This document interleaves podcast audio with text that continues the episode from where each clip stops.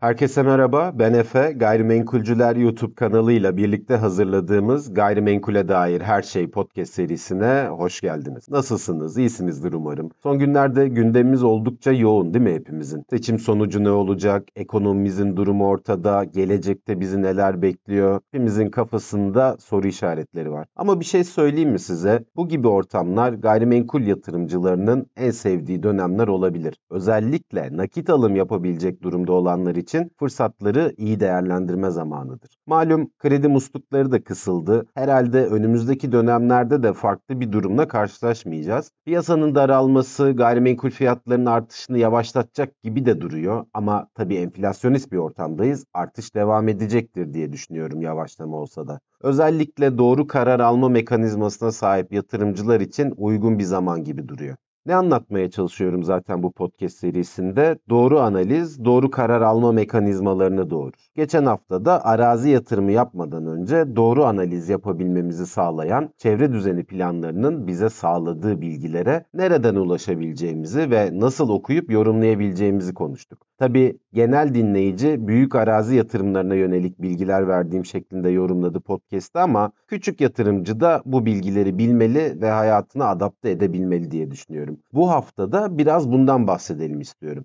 Özellikle son dönemde çıkan bir arazi yatırım türü var ki küçük yatırımcı için cezbedici duruyor. Gerçekten öyle mi yoksa hayal mi satılıyor? Bunları konuşalım.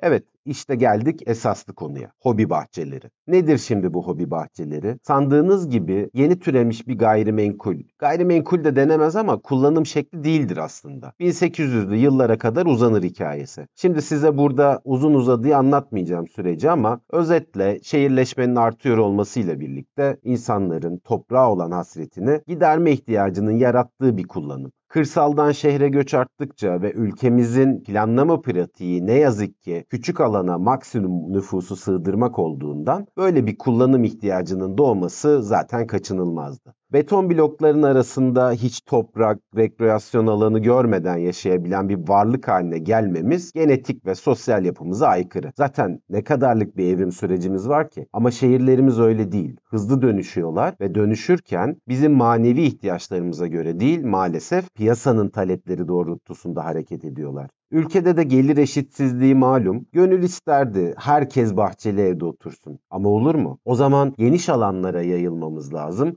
altyapı yatırımı yapmamız lazım. Ulaşım bağlantıları lazım. Ne gerek var o kadar masrafa ya? Sıkıştıralım. Daha az maliyetli kafası bizi bu noktaya getirdi. Neyse sonuç olarak düşük bütçeli kesim kendine bir çözüm buldu. Aslında onlar bulmadı tabii. Gene büyük arazi yatırımcıları bu talebi fark edip bir geliştirme yaptılar. Gelişmiş ülkelerde de var hobi bahçeleri ama bizde biraz garabet durumda. Almanya'da, İngiltere'de, Danimarka'da, Norveç'te çoğu ülkede kanun ve yönetmeliklerle düzenlenmiş bu kullanım şekli. Peki bizde durum ne? Öncelikle şunu söyleyeyim, hiçbir yasal düzenleme yok. Bunu bir kere bilin. Yasalarda, yönetmeliklerde hiçbir yerde adı geçmiyor. De facto bir durum yani. Hepimiz istiyoruz oturduğumuz yer bahçeli olsun. Ama buna ulaşamayınca farklı alternatifler aramamız da çok doğal. Bu noktada işte karşımıza hobi bahçeleri çıkıyor. Özellikle şehir merkezlerinin çeperinde konumlanmış kolay ulaşılabilir bahçeler dikkatimizi ve ilgimizi çekiyor. Hafta sonları gidelim, biraz toprakla uğraşalım, sebze meyve ekelim dikelim arzusundayız. Ama şöyle bir şey de talep ediyoruz tabii ki.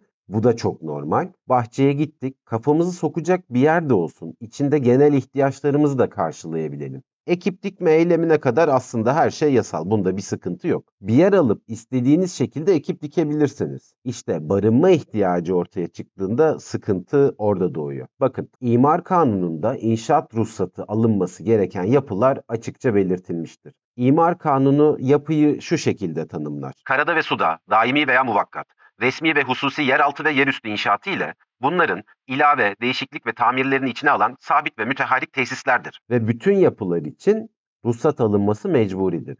Yani siz bahçenize herhangi bir yapı koyduğunuzda veya koymak istediğinizde ruhsat almanız gerekir. Ruhsat alma şartlarının detayına girmeyeceğim ama şunu söylemem gerekiyor.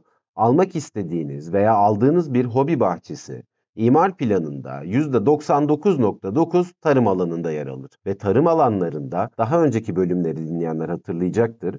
Yapı ruhsatı almanın belirli koşulları vardır. Merak edenler o bölümü dinleyebilirler. Hobi bahçelerinin ise bu şartları sağlamadığı çok ama çok açıktır. E nasıl oluyor da yapılıyor peki? Bir sürü hobi bahçesi ilanı var emlak sitelerinde. Evet bir sürü hobi bahçesi ilanı görüyoruz. Yani bunların hepsi kaçak mı? Maalesef. Hepsi olmasa da büyük çoğunluğu kaçak. Neden hepsi değil diyorum? Çünkü gerçekten sadece bahçe olarak kullanılan yerler de var içlerinde. Onların içinde herhangi bir yapı yok. Dolayısıyla bunlarda bir sorun çıkmıyor. Genel algı tabii şu şekilde insanlarda. Ben bir bahçe alırım, içine bir konteyner koyarım. Oh mis oldu işte. Öyle olmuyor maalesef. Konteynerlara yapı ruhsatı alınmasına gerek olmadığına ilişkin bir hurafe var. Biraz önce yapı tanımında muvakkat kelimesi geçmişti. Bilmeyenler için açıklayayım. Geçici demek. Yani sabit olması gerekmiyor. Yapı ruhsatı alınması için sabit olmasına gerek yok. Taşınabilir olsa da yapı ruhsatı alması gerekir. Bunu da netleştirdik. Özetle bir hobi bahçesi içine konulacak herhangi bir yapı, yapı ruhsatı alamadığı, alamayacağı için kaçaktır.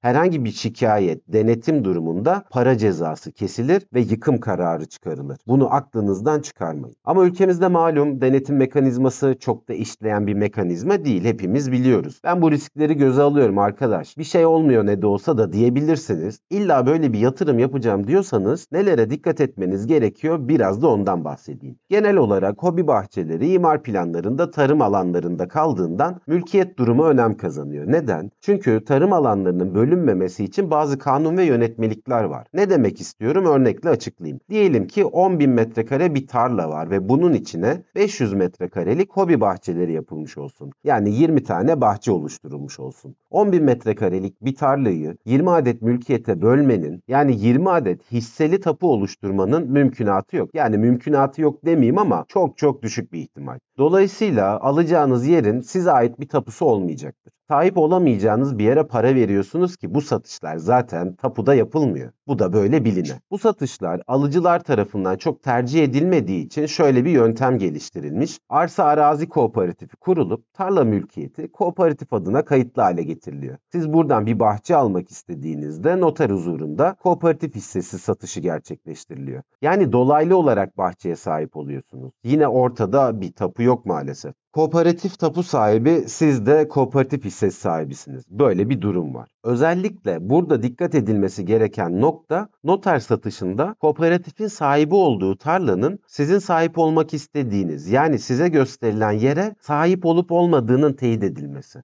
Bu arada bir kooperatifin birden çok yere sahip olduğu durumlarda olabiliyor. İşte o zaman işler iyice karışıyor. Bir de sizi yanıltan hatta aldatan durumlar var. Bunlara ayrıca dikkat etmenizi rica ediyorum. Öyle ilanlar görüyorum ki buranın değeri 5'e katlayacak, şöyle olacak, imar gelecek algısı yaratarak pazarlama yapıyorlar. İşte bu noktada da çevre düzeni planları sizin için en bulunmaz nimet. Bir yerin imara açılıp açılmayacağı noktasında çevre düzeni planlarına bakarak öngörüde bulunabileceğinizi zaten geçen bölümde anlattım. O yüzden çevre düzeni planları sadece büyük yatırımcı ilgilendirmez. Küçük yatırımcının da yol arkadaşıdır. Bunu asla unutmayın. Geçenlerde bir müşterim böyle bir yer hakkında bilgi almak istedi. Burası alınır mı sence diye sordu. İmara açılacak alanda, ilan askıda, onaylandıktan sonra kazancınız yüzde bilmem kaç falan olacak yazıyor. Açtık baktık çevre düzeni planından parsel orman alanında kalıyor. Yani geçen bölümde bahsettiğim yeşil renk üzeri içi dolu siyah üçgenler vardı ya işte o alanda kalıyor. Yani buranın alt ölçekli planlarda imara açılma şansı yüzde sıfıra yakın diyebilirim. Benim asıl anlatmak istediğim aslında bu işin yasal olmadığı ve boş hayaller üzerine pazarlama yapıldığı. Kararı vermek size kalmış. Bu sizin risk algınıza göre değişebilir. Herkes tarafından merak edilen bir konuyu detaylandırmaya çalıştım. Gelen sorular arasında hobi bahçeleriyle ilgili sorular da vardı. Sanırım detaylı bir cevap vermiş oldum bu sayede. Sizin de merak ettiğiniz sorular varsa iletişim adresinden bana ulaşabilirsiniz. Dinlediğiniz için çok teşekkür ediyorum. Önümüzdeki hafta yeni bir konuyla buluşmak dileğiyle. Hoşçakalın, kendinize iyi bakın.